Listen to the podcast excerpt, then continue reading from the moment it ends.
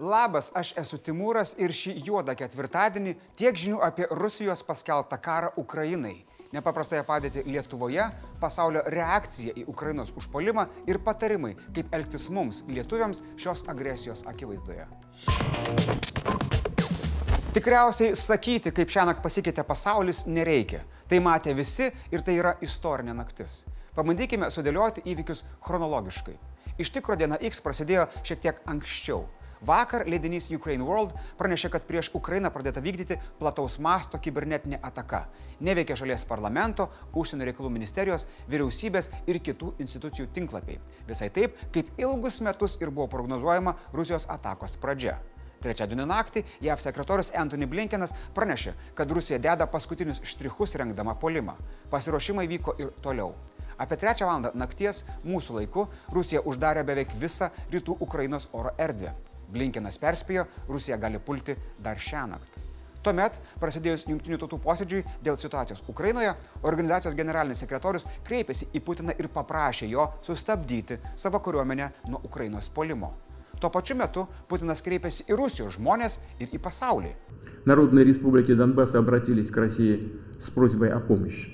Perfrazuojant, Putinas paprašė Putino pagalbos ir buvo priimtas sprendimas. Мною принято решение о проведении специальной военной операции.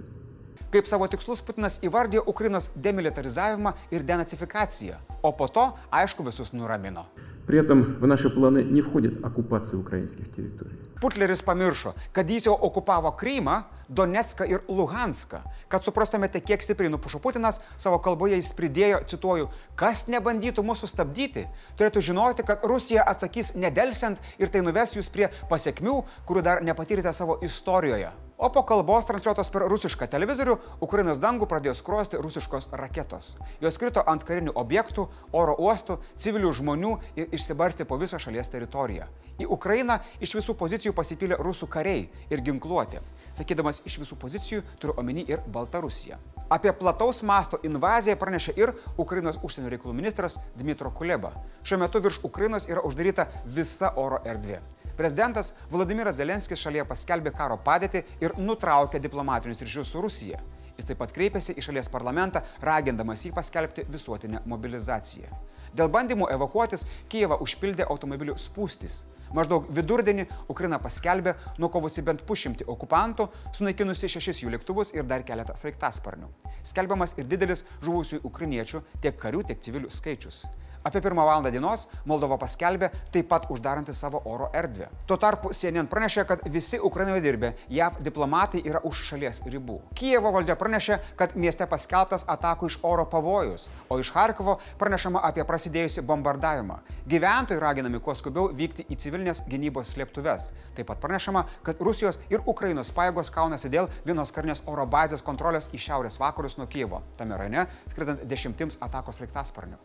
Po kurio laiko Putino ginklanešys Dima Peskovas pranešė, kad Rusijos polimas tęsis tiek, kiek reikės. Na, draugai, visame šiame karo rūke tik priminsiu, kad pasaulis puikiai mato, kaip rusofašistinė meška išsidirbinėja ir neabejoju, kad Hagos tribunale jau yra plaunamos grindis ir ruošiamasi Putino šutvės teismui.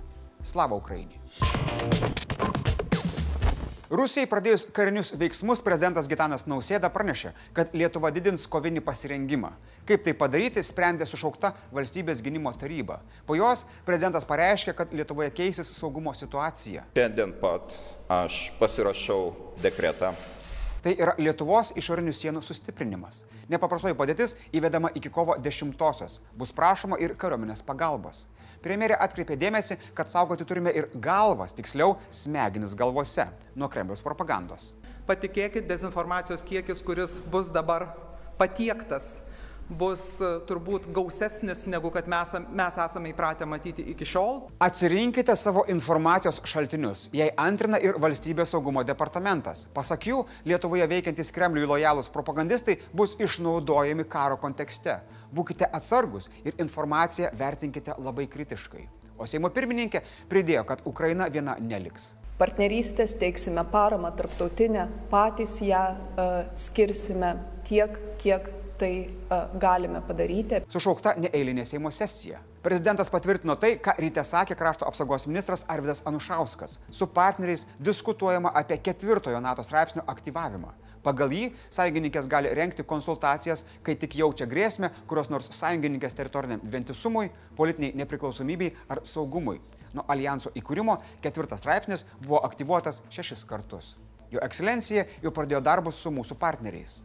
Todėl jau pradėjau aktyves konsultacijas dėl tolesnių veiksmų su NATO sąjungininkais ir ES partneriais. Pasak nausėdos, nuo to, kaip reaguosime artimiausiamis valandomis ir dienomis, gali priklausyti visos Europos ateitis. Šiandien Europos vadovų taryboje bus kalbama apie Ukrainos narystę Sąjungoje.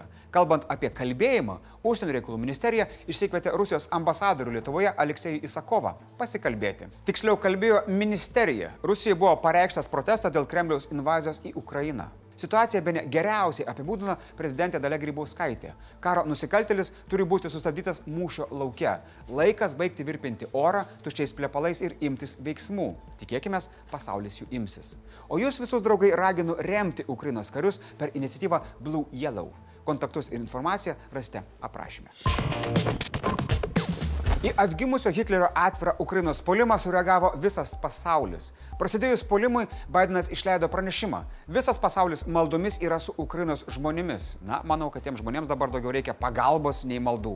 Ja prezidentas pabrėžia, kad atsakomybė už mirtis ir destrukciją krinta tik ant Rusijos pečių. Ir pasaulis tos atsakomybės išsireikalaus.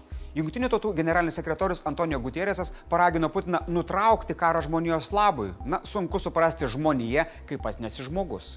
NATO vadovas Jensas Stoltenbergas sakė, kad Rusija pasirinko agresijos prieš suverenę ir nepriklausomą valstybę kelią.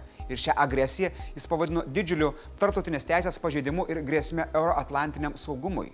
Nepaisant to, alijansas neketina siūsti pajėgų į Ukrainą, tačiau aktyvuoja rytų Europos gynybos planus. Tai reiškia, kad NATO ginkluotojų pajėgų vadui suteikiami platus įgaliojimai, pavyzdžiui, dėl dalinių permetimo. Junktinės karalystės premjeras Borisas Johnsonas patikino, kad karalystė ir jos sąjungininkai reaguos ryštingai.